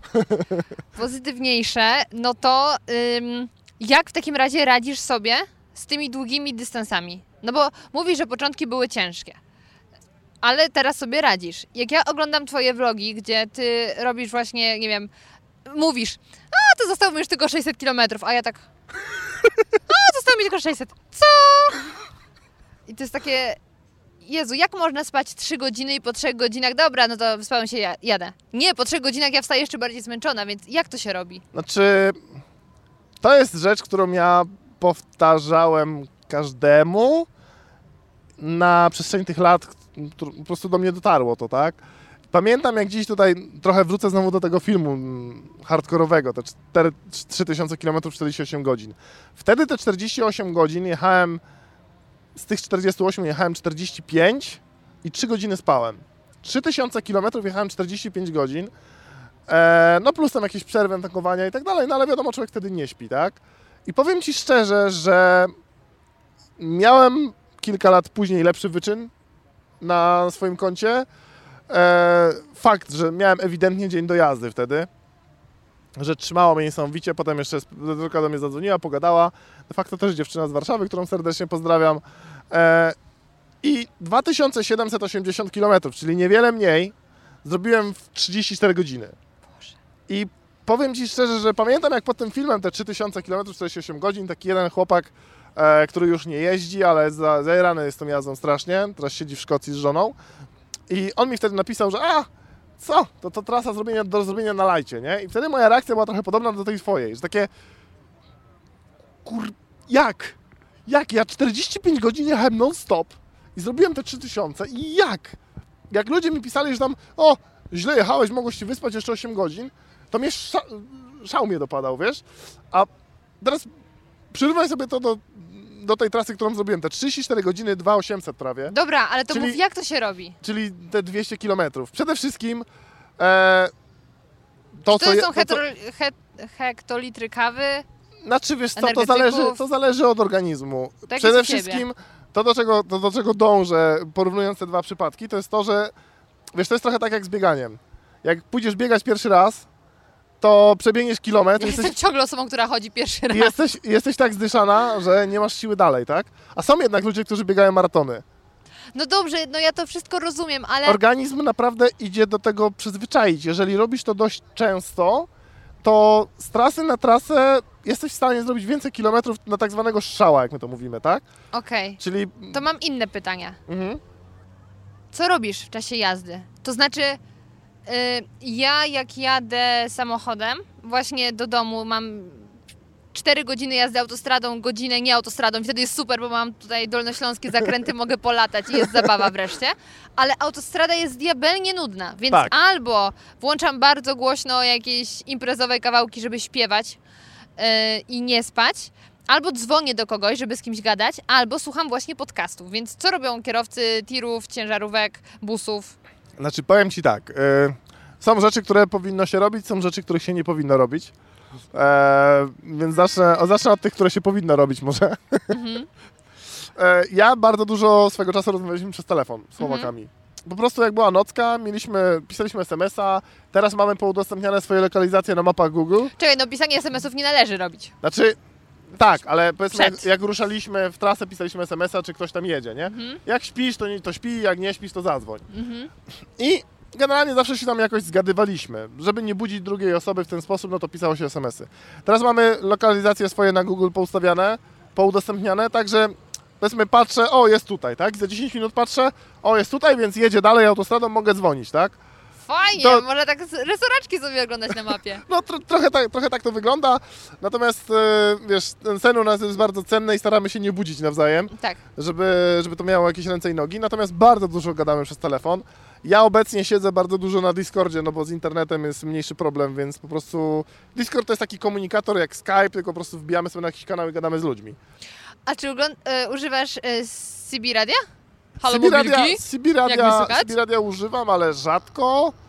Najczęściej tak naprawdę to gadam, jak słyszę już, że jest jakiś, nie wiem, kontrola, jakiś wypadek czy coś, no to się czasem odezwę. Albo po prostu ktoś się pyta, halo, halo, pingwin to Damian czy nie Damian, nie? Właśnie ten pingwin. Ale najlepsze jest to, że wszyscy, znaczy wszyscy Patrz. nie. No właśnie widziałem, No, zarąbisty jest. no, tego, a, pingwin, nie mogło być lepiej. Słuchaj, bardzo dużo ludzi myśli, że nie wiem, ten pingwin to jest tylko jedno auto. Natomiast my w firmie mamy 60 parę aut i każde jest tak samo oklejone. Czekaj, Więc czy ja szukam pracy? e, co jeszcze robię? Co, no, nawet niedawno tworzyłem odcinek na ten temat. Bardzo pomaga wbrew pozorom rzucie gumy. To jest taki, No dobra, ale to mózg na tym się tak nie skupia, więc bardziej co robić, żeby się nie nudzić? co robić, żeby się nie nudzić. Tak. Wiesz, co innego, co robić, żeby się nie- zasnąć, a co innego, żeby się nie nudzić. Nie? A, myślę, no dobra, no to trochę tak. Rzucie Myślałam, prostu rzucie takim mimo wszystko pomaga. E, taki bardzo hardkorowy już yy, przypadek, kiedy już mocno chce ci się spać, chociaż ja polecam generalnie iść spać, jak już bardzo chce się spać, nawet w tej osobówce. Mhm. E, no ale jak bardzo chce się spać, to często gęsto, no przede wszystkim zimne powietrze, nie utrzymywać ciepłego w aucie, O, bo to to usypia pewno. niesamowicie. E, ja często gęsto sobie, nie wiem, otwierałem szyby nawet, żeby trochę mi powiało, no latem trochę gorzej, no to klimę trzeba, że tak powiem, zbić na niską temperaturę. E, co jeszcze? Taki hardkorowy przypadek trochę, ale też stosowałem kiedyś. Obecnie już tego nie stosuję, nie mam takiej potrzeby. Bo mijam fakt, że no kawa, no to wiadomo, dużo ludzi po prostu, to jest tak, busiarze tak robią, że stają na kawę. I wydaje mi się, że to bardziej działa na zasadzie takiego, e, jak psy Pawłowa miały, tak? Że nam e, już tak się zagotowało, że jak wypijemy kawę, to jesteśmy bardziej Tak. rozbudzeni. Ja też tak robię. Natomiast często, gęsto kierowcy, którzy robią sobie kawę, stosują bardzo mądrą rzecz moim zdaniem, bo są ludzie, którzy zjeżdżają, wyjmują kuchenkę i w kabinie gotują kawę. I to da Ci dużo mniej, niż jak wyjdziesz, postawisz tą kuchenkę na zewnątrz, na zewnątrz zagotujesz wodę, na zewnątrz zrobisz tą kawę i na zewnątrz ją wypijesz. Bo wtedy człowiek, chcąc nie chcąc, się trochę rozrusza. No tak. I to, to dużo pomaga. Właśnie, I, do tego też zaraz dojdziemy. I wydaje mi się, wydaje mi się, że ten nawet chwilowy ruch. Ja na przykład miałem tak, że po prostu głupią twarz sobie poszedłem przemyć na przykład, tak na zewnątrz. Miałem kiedyś taką bańkę z wodą, a jak nie dobrałem swoją. I też wychodziłem z auta, przemywałem sobie twarz, przemywałem sobie szyję, bo to generalnie rozbudza i no, na jakiś czas tam pomagało. No, jak nie, no to 15-minutowe, 25-minutowe drzemki, bo to też zależy dużo od organizmu, ale generalnie e, do 30 minut mamy taki sen bardzo płytki, z którego jak się wybudzimy, to jednak ten organizm nasz odpocznie, ale się nie roześpimy. Mhm. Najgorsze są sny takie po półtorej, po dwie godziny, bo wtedy organizm jest bardzo rozespany i często gęsto budzimy się bardziej śpiący niż, niż się kładliśmy Tak, spać. bo jesteśmy w tej fazie. Więc y, mm, lepiej czasami nie spać. No, ja na przykład zauważyłem, że u mnie działa sen trzygodzinny. Czyli Bo te- to są dwie fazy, bo Tak. jedna faza półtorej godziny. i, I generalnie te 3 godziny to jest taki idealny moment, że ja jestem w stanie naprawdę 20 godzin machnąć następnej doby spokojnie bez snu. Okej. I fakt, no to się nie wzięło znikąd, bo no mówię, kwestia przyzwyczajenia organizmu. Głośna muzyka oczywiście wiadomo, Czego słuchasz? czego Bo słucham. ja ostatnio grałam y, stary album Black Eyed Peas, The End. I ostatnia trasa to było LMFAO, czyli shot, shot, shot, shot, shot, shot. Nie, no to ja mam, ja, ja mam, ja, ja idę bardziej w takie gitarowe rytmy. Bardzo lubię, bardzo lubię Breaking Benjamin. Mhm. Wychowałem się na Green Dayu i często O. do nich, często do nich wracam. E, Sam 41 też trochę słuchałem w liceum, ale to już tak trochę mniej. No i ostatnio mam taką manię na Spotify'a. Od dłuższego Bardzo czasu, dobrze, od, podcasty. od dłuższego czasu używam Spotify'a, zresztą mam wykupione to premium. Super E, Spotify, można i- sobie właśnie y, offline I zrobić. trafiłem, trafiłem naprawdę bardzo sporo fajnych kapel, których słucham do teraz. Albo gdzieś tam mi się zakręcił jeden ich utwór, gdzieś tam słyszałem, ale odnalazłem ich inne utwory i generalnie kręcę się trochę w tym środowisku. Three Days Grace, Breaking Benjamin, taki rock może nie klasyczny, bardziej taki alternatywny e, i te klimaty. Natomiast e, z muzyki uwielbiam jeszcze muzykę elektroniczną. Najbardziej lubię trance, chociaż te EDM-y też mogą być na trasę, bo one są bardzo hałaśliwe. Yy, Natomiast moje ulubione nagranie, jeżeli chodzi o, o trasy, to jest e, A State of Trance numer 600 od Armin Van, Burena, ten jego set. To jest dla mnie po prostu miazga, ja przy tym potrafię robić tysiące kilometrów. Przetestuję na następny wyjazd. I ci napiszę, jak było. Spoko, godzinę coś trwa, także możesz Cudownie. słuchać i słuchać. To jak podcast. Sporo, sporo fajnych kawałków, fajnie, fajnie generalnie się to wkręca, on fajnie przechodzi między tymi kawałkami, to jest takie bardzo płynne, a jednocześnie nie jest to taki ciężki trans, bo są takie kawałki, E, Wpaść w trans, to nie wiem, czy dobrze. Dobra, no to, to robi, żeby nie zasnąć. To, a co robi, żeby się nie nudzić? co robię, żeby się nie nudzić? No, Głównie gadam. Teraz najwięcej gadam na Discordzie, bo no, powstał ten Discord już jakiś czas temu dla ludzi, którzy oglądają te moje vlogi. Jest tam niewiele osób, ale są ludzie bardzo, że tak powiem, zaangażowani. I to jest taka w sumie już paczka znajomych, z którymi gdzieś tam zawsze się zgadujemy. Jak wracam z Warszawy, to Piotrek Skuter zawsze do mnie pisze, a masz czas, to się spotkamy na tym, na Baranowie, na KFC i tak dalej, tam niedaleko mieszka, więc Mm, Wydaje mi się, że takie rozmowy ze znajomymi, e, zwłaszcza, że to są część kierowcy, część jeździ, jeżdżą, część jeździ po Polsce, część poza granicy, gdzieś tam się spotykamy nawet jak się trafi i w sumie mnie najbardziej rozmowy, że tak powiem, kręcą. No słucham tej muzyki, bo czasami po prostu lubię się wyciszyć, a mnie wbrew pozorom rok wycisza. Na przykład są ludzie, którzy, których rok nakręca, a ja roka jak, słuch- jak słucham, to robię się jak takie małe dziecko, które właśnie dostało jeść i idzie spać, nie?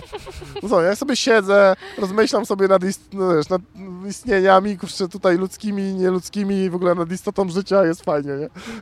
Ale y, no takie moje zboczenie. Y, nie słuchasz jakichś audiobooków, podcastów czy czegoś? Wiesz co, podcasty czasami słucham, natomiast e, audiobooków raczej, e, audiobooki mam ten problem, że mnie usypiają, wiesz? Mhm. E, dużo ludzi słucha audiobooki i, i nagle robią się tacy rozbudzeni, a mnie usypiają. Ja nie, ja A nie wśród kierowców jest w ogle jakaś taka tendencja do słuchania podcastów? Jest. Jest tendencja do słuchania podcastów, bardziej nawet tendencja do słuchania audiobooków. Mhm. Często, coraz częściej... No, generalnie to jest takie stałe hasło, jak gdzieś zajrzysz na parking, ej kolego, kolego, masz jakieś filmy może na laptopie? I coraz więcej kierowców pyta się też o audiobooki, nie? Mhm. Że, To że mów im też o jazdy, podcastach. W trakcie Wiesz, jazdy, jakie mamy fajne polskie podcasty? w trakcie jazdy, znaczy ja aż tak się nie orientuję, ale podpytam. Zrobię ci tutaj małe szkolonko. Zrobimy reklamę zaraz tutaj na YouTubach i tak dalej. Znaczy, myślę, że ja na przykład twoich podcastów kilka słuchałem w trasie, jak wracałem i słuchać tego mega przyjemnie, W bo to jakim są kraju? Chcę wiedzieć, gdzie byłam. chyba z Włoch wracałem, to tak, O! że Włochy, Austria, Włochy, Austria i Czechy No bodajże. najlepiej. Najlepiej. Że u Pepicków byłaś. Daleko nie masz, ale... Światowo. Światowo. No, ale z podcastów słucha się fajnie, jeżeli... Ale też trzeba mieć dzień, bo nie zawsze wejdą. Nie zawsze wejdą, ale powiem Ci, że ja na przykład miałem tak, że któregoś dnia słuchałem jednego podcastu, e, już nie pamiętam, to było z tym gościem z YouTube'a o kebabach, co... Z Jankiem. No. I, I tam było dużo właśnie o żarciu. Tak. Jezu, jak ja lubię słuchać o żarciu. To jest po prostu masakra, nie? Uwielbiam żarcie. Zresztą moja obecna dziewczyna również uwielbia żarcie i Tak, obawiam się, że nie schudnę. o żarciu. Ale powiem Ci szczerze, że ja miałem taką manię, że tak, o kurde, tu załadunek, no to jeb, pauza, nie? Lecę szybko, gdzieś tam w słuchawkach sobie dosłuchałem jeszcze, jak czekałem na wózkowego, potem znowu jakieś tankowanie i to samo, gdzieś tam, wiesz, telefon w kieszeń, słuchawki od razu. Dobra, no to na twoje zamówienie będzie więcej o jedzeniu. Dla mnie nie ma problemu, to ja ja- też żyję jedzeniem. Ja poproszę, ja jedzenie uwielbiam, po, Cudownie. Ci po Wezmę to prostu. pod uwagę. Chociaż to też jest taki myk, że jak o czymś słuchasz i nagle tak, kurde, coś bym zjadł. I Robisz ja, się- No, i ja mam taki problem. Jak ja jadę, też. coś muszę ciągle jeść. Czy to orzeszki, czy to wafle ryżowe. Uwielbiam opowiadać. Co ty jesz w trasie? No bo okej, jak się okazuje, gotujesz, czyli nie zajeżdżasz na Znaczy stację teraz, paliw i nie teraz bierzesz... już trochę mniej, teraz mam po prostu miejsca, gdzie mogę sobie iść do knajpy i za 5-6 euro zjeść obiad, tak? Bo już trochę lepiej. To już, to już trochę lepiej się, że tak powiem, orientuję.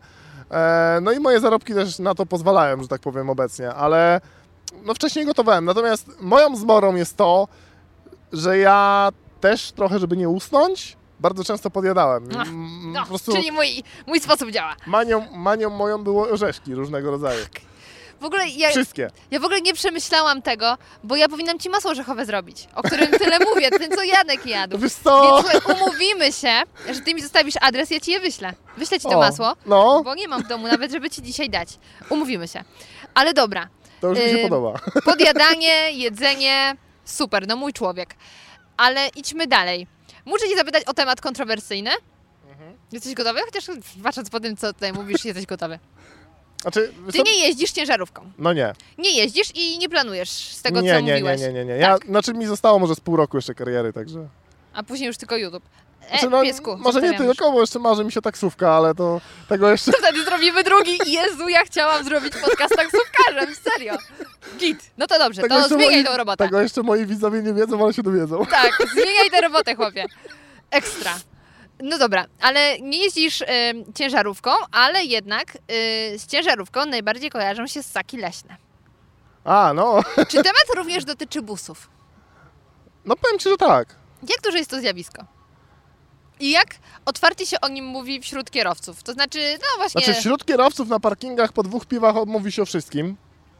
Mhm. I to jest też to, co wspomniałem wcześniej, że ludzie nie bardzo lubią, jak ktoś podchodzi i zagaduje. Mhm. Często gęsto są takie tematy poruszane, że niekoniecznie chcieliby, żeby to poza środowisko, że tak powiem, Wyszło. wybiegało, wyszło.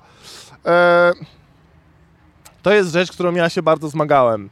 E, czy zmagałem. Mm, Taki stereotyp, który trochę w nas uderza, nie? Bo obecną dziewczynę moją, jak poznałem, e, no to teraz generalnie już się poznaliśmy, jest wszystko fajnie. Natomiast jej mama miała taką straszną, taki straszny dystans do tego A, wszystkiego, tak? Jak okej. się dowiedziała, że jestem kierowcą. I ja nawet rozmawiając e, z panią Agnieszką powiedziałem jej, że wie, no wie pani, no kto jak kto, ale ja panią rozumiem najlepiej, bo ja widzę tą patologię na co dzień. I to nie jest duże zjawisko, natomiast to jest to, co ja powtarzałem w kilku przypadkach wcześniej, że ten margines społeczny jest najbardziej wyrazisty i on największy wpływ ma na ogólną opinię, To tak? tak jak Polacy za granicą często nam psują tak, renomę, nie? tak, tak. Jest bardzo duże grono ludzi, którzy są normalni i podchodzą do tego wszystkiego normalnie, natomiast jest grupa, która generalnie psuje zdanie o wszystkich i cała reszta cierpi. I wśród kierowców jest tak samo. Mm, Miałem, spotkałem różne przypadki, spotykałem ludzi, którzy chwalili mi się, gdzie, jakie prostytutki, za ile biorą, a za chwilę rozmawiał z żoną przez telefon, co uważam za mega słabe. Spotykałem ludzi, którzy, ba, spotkałem człowieka, który zabrał e, dwuletniego syna w trasę, żeby ulżyć żonie, żeby się nie musiała męczyć. Po czym e, pół godziny później chwalił mi się, że zostawił go u siostry i poszedł na imprezę gdzieś tam w Mediolanie, nie? I sobie jeszcze, że tak powiem... No znam imprezy w Mediolanie. Jezu, co za, co za człowiek. Ale no takich W ogóle ludzi... jak to jest zabierać dwuletnie dziecko? No to nie jest chyba specjalnie bezpieczne.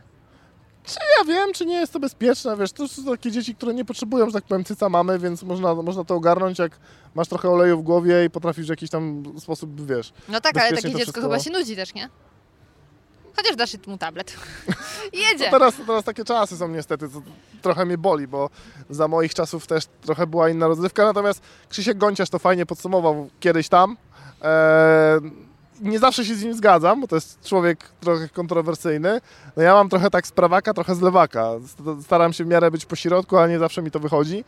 Ale no, on powiedział taką fajną rzecz, że yy, no faktycznie czasy się zmieniają i wiesz, jak y, my byliśmy dziećmi, to do nas się rodzice przypierdzielali o to czy o tamto, bo za ich czasów to było tak. No to oczywiście. I, I my teraz trochę patrzymy też na to, że a, dzieciaki teraz siedzą przy tabletach, bo za naszych czasów to było tak. No, znaczy, A te nie dzieciaki, które tabletów, teraz- abyśmy siedzieli. Te dzieciaki, które siedzą teraz przy tabletach, też będą się przypieprzały do młodszych za 20 Ale lat, co było więcej, inaczej, tak? My często, jako dobra, teraz pokolenie starsze, czepiamy się młodszych rzeczy, które sami im zgotowaliśmy. Bo to nie jest tak, że te dzieciaki stworzyły sobie tablet i teraz się uzależniły od niego. Nie, to nasze, znaczy pokolenie no, bardziej moich rodziców stworzyło tablety i jeszcze pokolenie już młodsze trochę moich rodziców te tablety dało tym dzieciom. I to nie jest ich wina, że są nagle uzależnieni. To, są, to jest wina wyższych generacji. Także to jest takie, wiesz, błędne koło. Czepiać się za coś, co, za co te Znaczy wiesz, jak chcesz się winne. czegoś przyczepić, to zawsze znajdziesz coś, do czego się możesz no. przyczepić, tak? To jest takie mm, czepianie się, czepianie się na siłę. No, tutaj wracając, wracając do tego tematu tych leśnych ssaków, że tak powiem. No wiesz, A y, jakie w ogóle panuje określenie ich wśród kierowców? wiesz co, nie wiem, ludzie chyba tak pospolicie wulgarnie na to po prostu Okej. mówią, tak? Nie ma, Ci czy, słyszałem takie bardziej strażniczki lasu też. ładne. Bo teraz mi przyszły do głowy jagodzianki, nie wiem czemu. Moja Weronika od razu by powiedziała, że hmm, smacznie. Ja miałam kiedyś vloga kulinarnego smacznego, więc... Dobra, wróćmy do tematu. No. No, no powiem Ci szczerze, że e, to jest trochę tak, że mm, całą winę zwala się na kierowców ciężarówek. Dzisiaj czytałem fajną dyskusję na ten temat, no bo tak jak mówię, jest tak, teraz taka moda na hejt na kierowców ciężarówek, ogólnie na, na kierowców tych, co jeżdżą po międzynarodówce, że brudasy to tamto i owam to, tak? Natomiast e, Prawdą jest, że bardzo często z usług, nawet nie wiem czy nie częściej z usług tych pań korzystają przedstawiciele handlowi albo ludzie w delegacjach i tak dalej. To faceci generalnie bywają spoko, ale są też świnie i Też no wiesz, się z drugiej strony, tylko że z drugiej czym się strony- różni kobieta stojąca, korzystanie z usług kobiety stojącej przy drodze, a korzystanie z usług pani, która jest w klubie? No to w sumie jest to samo, tylko warunki no, inne. generalnie kwestia higieny i tak dalej, nie? No ale to sprowadza się moim zdaniem do tego samego, nie? No, wiesz, to jest fakt, natomiast e, już nie raz, nie dwa słyszałem historię, że gdzie ktoś, wiesz, jakieś tam z Francji choróbska przywiózł i tak dalej, no. Jeżeli ktoś sam chce się załatwić, nie wiem, tak bardzo brakuje mu seksu i, i musi korzystać z usług tych pań, to go on, no ale, wiesz, ryzykowanie jeszcze zdrowia partnerki to jest trochę słabe moim zdaniem i mało odpowiedzialne, tak? No. Tym bardziej, jeżeli są to sytuacje takie, gdzie, mm, nie wiem, facet ma z tą partnerką dzieci, no i w ten sposób ryzykujesz jeszcze dodatkowo, wiesz, przyszłością dzieci, tak? Mhm. No ale zdarzają się takie przypadki, nie jest, że tak powiem, tak jakiś ogrom. Bardziej, dużo więcej jest przypadków takich typowo ludzi, którzy żyją od weekendu do weekendu, czyli e, wiesz, on w poniedziałek już myśli o tym, jak w piątek się nawali i będzie nieprzytomny, w sobotę będzie kontynuował, a w niedzielę będzie trzeźwiał. Mhm. I są takie przypadki, że wiesz, że on w niedzielę dobrze nie wytrzeźwieje, a już wieczorem jedzie, tak? Więc mi się wydaje, że wśród kierowców to jest większy problem niż samo korzystanie No tak, no bo to z... nikomu, no jeśli nie ma chorób, nikomu nie szkodzi. No, znaczy, no może to jakieś rozpady, no ale to już prywatne i Znaczy to indywidualne już są prywatne tematy, nie? sprawy, nie? Fakt jest taki, że i tak największym problemem jest tak naprawdę rozłąka. Już nie chodzi o, mi się wydaje, że nie chodzi już o samo korzystanie z usług takich pań, czy o sam seks, tylko o to, że po prostu e, często, gęsto mm, faceci mają, mi się wydaje, z tym problem trochę, chociaż kobiety też. Taki trochę brak wzajemnego zrozumienia. Ja mam kolegę, który ma obecnie dwójkę dzieci z obecną partnerką. Oni, znaczy już żoną, poznali się, jak on już pracował na busach i poznali się, jak on już pracował, że trzy, trzy tygodnie go nie było i to jest mega szczęśliwa rodzina. On teraz zmienił pracę, jeździ, że tak powiem, w koło komina, jest częściej w domu i oni są no, no, najszczęśliwszą rodziną, jest wszystko okej, to tak? Normalna praca, nie? Natomiast y, wiesz, no, są związki, które to przetrwają, bo oni tam kilka lat przetrwali tą rozłąkę, że tak powiem. Natomiast są związki, gdzie kobieta, nie wiem, nie może zrozumieć tego, że powiedzmy facet też tęskni i facet też przeżywa psychicznie to jakoś, bo wbrew pozorom e, to się niektórym kobietom tak wydaje, że no my w trasie to okej, mamy wsz- wywalone wszystko i tak dalej i sobie jedziemy i mamy wszystko gdzieś. Natomiast wiesz, e, w momencie, kiedy kobieta pracuje, wiadomo, że jest to bardzo ciężkie dla niej. Yy, Pracowanie, utrzymanie domu, wiesz, zajmowanie się dziećmi i tak dalej. Ja tego nie podważam absolutnie. Uważam, że dużo facetów ym, tego nie docenia i im się wydaje, że jak oni wrócili z trasy, to oni są bogami, bo oni utrzymują rodzinę i tak dalej. Natomiast wydaje mi się, że ta kobieta też chciałaby sobie iść, wiesz, do koleżanek, pogadać, odstresować się, zostawić ten dom na chwilę, odsapnąć, bo, bo ona na co dzień pracuje na 200%, bo zajmuje się domem i pracuje jeszcze, tak? Gdzieś jak, na jakimś etacie. Dużo facetów tego nie rozumie, ale wiesz, yy, odbijając piłkę znowu w drugą stronę, to kobieta zajęta tym wszystkim tak naprawdę nie ma za wiele czasu na myślenie. A wydaje mi się, że to najgorsza cecha tej pracy jest taka, że my mamy tego czasu na myślenie aż za dużo, nie? Jedziemy, robimy te kilometry, jeszcze o ile wiesz, gdzieś tam się jedzie po jakichś landach i tak dalej, tak jak powiedziałeś, to dolnośląskie drogi i tak dalej, to to jest fajnie, nie? Człowiek jest rozerwany, ale jak wjeżdżasz na autostradę i widzisz, że następny zjazd za 650 kilometrów, Tak. I się i myśli. tak naprawdę nic się nie dzieje, to, to myślisz, myślisz o tym, o tamtym. Powiem Ci, że ja przez te 5 lat to całe swoje życie prze, przewartościowałem, nie?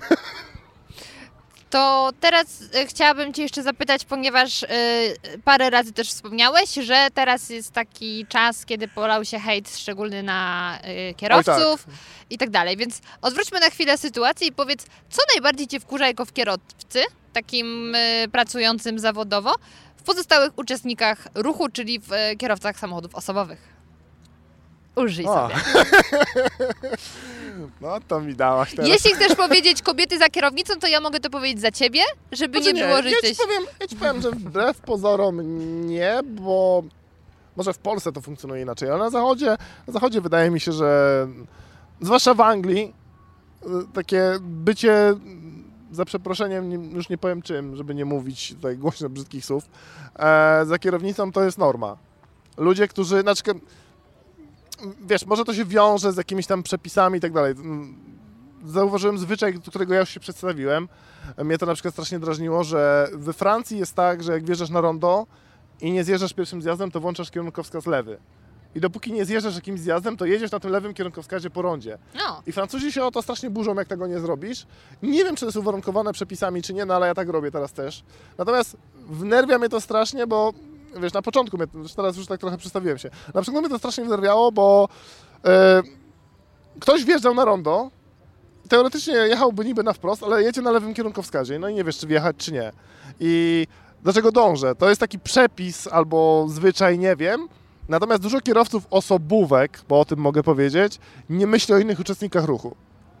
To jest takie, jadę ja, rowerzyści czasem. Nie chcę oczywiście generalizować, ale nagminne jest, że jednak ci rowerzyści trochę jeżdżą zbyt brawurowo, biorąc pod uwagę, Znaczy, jeżeli chodzi o rowerzystów, to ja jestem nadal, nadal jestem zdania, że każdy uczestnik ruchu, w tym także rowerzysta, powinien być szkolony z zasad ruchu drogowego.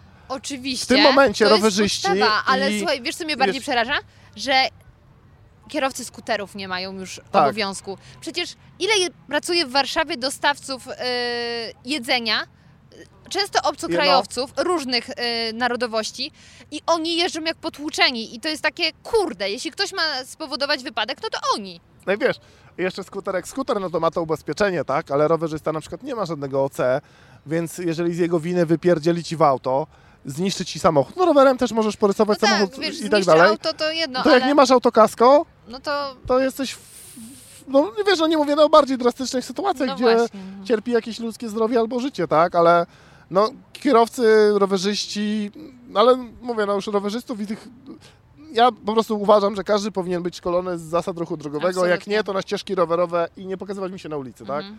Mm, Chociaż ścieżki rowerowe też się przecinają, więc jakąś tam kartę rowerowa kiedyś od czegoś była Tak. i mogliby to utrzymać, a nie, że od 18 roku życia to jak jeździ jak chcesz, bo, bo jesteś tam już za siebie, za siebie odpowiedzialny, no i co to tak? ogóle, co to, To jest, to jest rzeczy? bezsens. Okej. Natomiast bardzo często e, widzę takie sytuacje, że ludzie nie myślą o innych uczestnikach ruchu. Są zapatrzeni przed siebie, nie widzą, co się dzieje wokół nich i to jest bardzo częste zjawisko w Niemczech, e, że no jest autostrada trzypasmowa.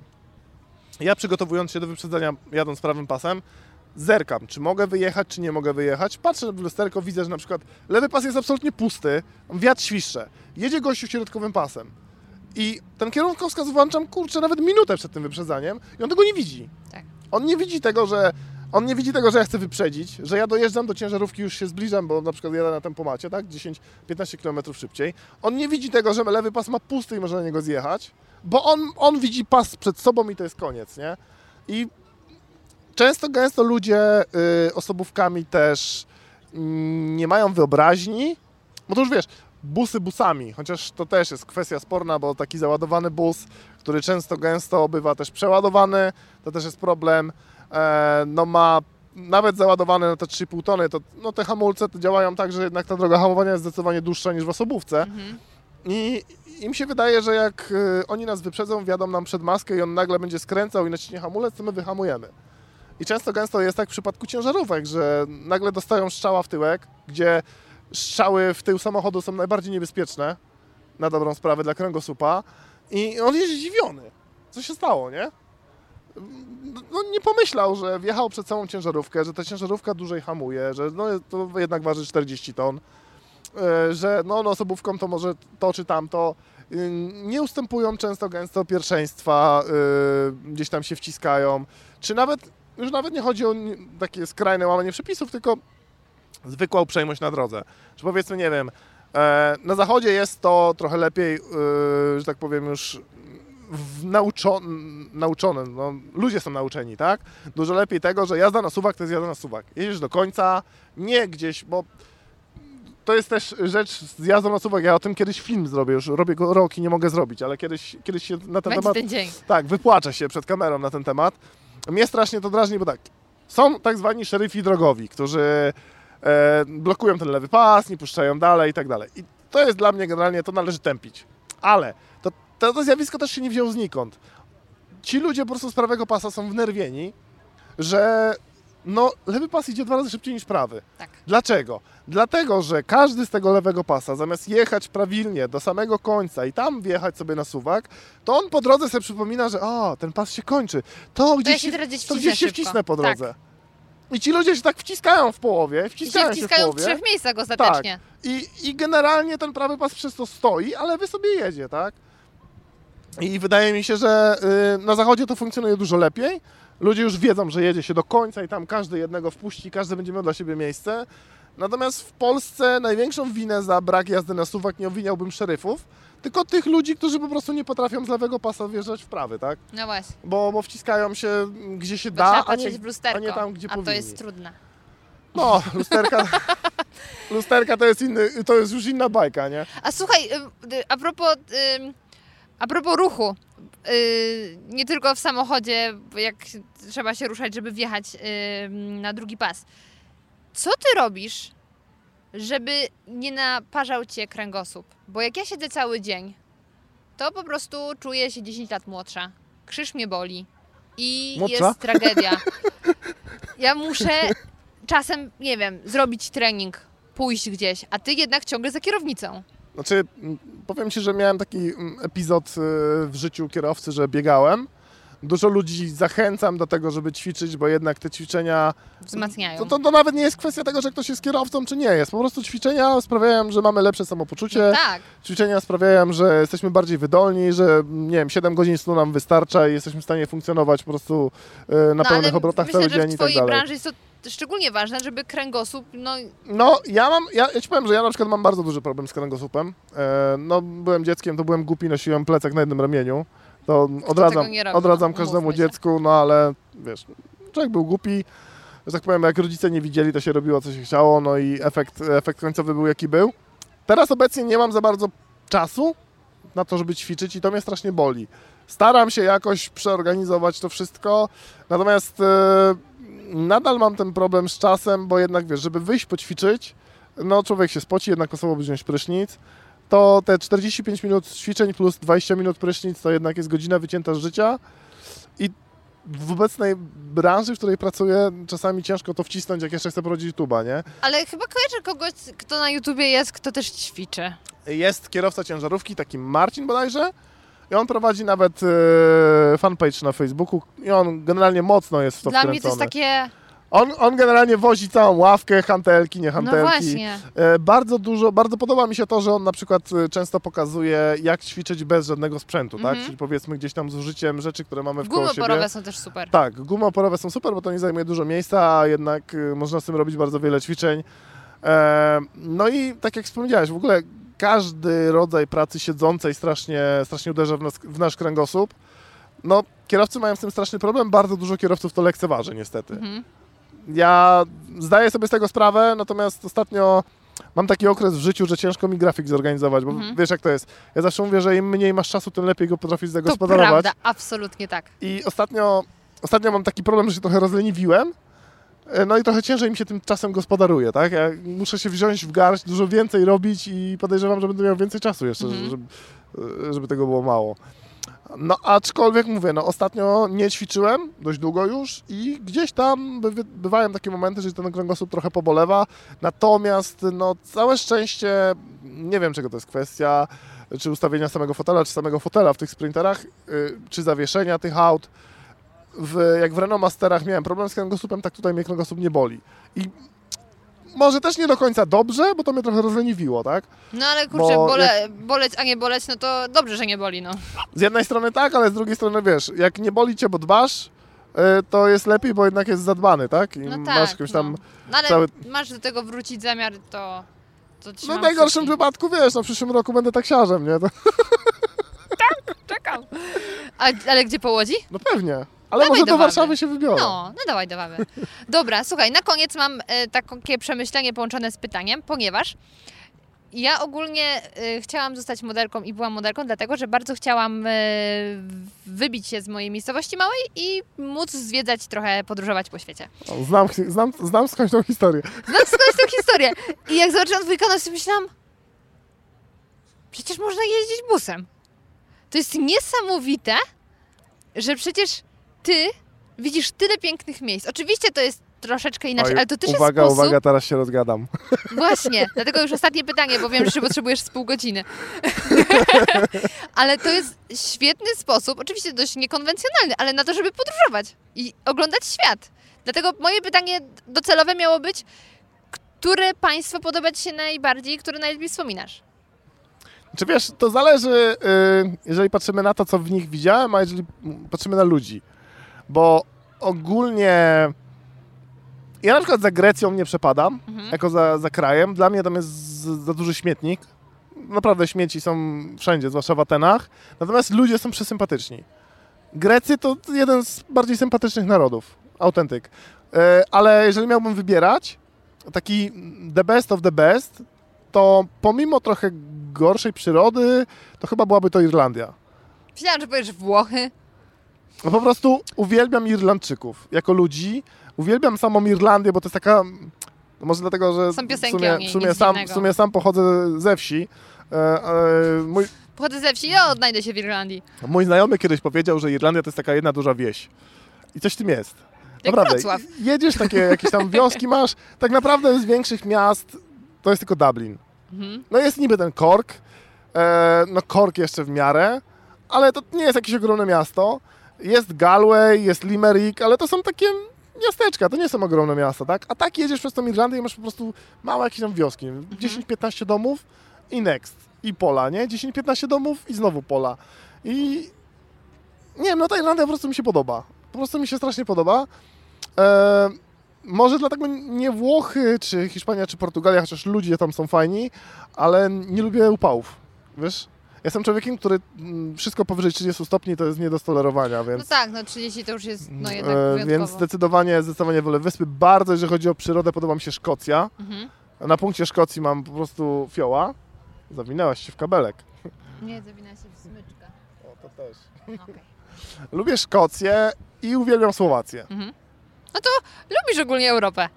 Masz trochę tych swoich państw. Mam, mam kilka swoich państw. Yy, natomiast te, taka rzecz, którą chciałem powiedzieć też, jak już zadałaś to pytanie, to też kiedyś mówiłem na vlogu, pamiętam, ale miałem taki problem, że wiesz, teraz yy, na tym aparacie mam mikrofon dodatkowy z gąbką, tak? Mhm. Wtedy miałem bez mikrofonu i gadałem sobie gdzieś tam nad adriatykiem do aparatu i generalnie wiało nie i nic nie było słychać, nie?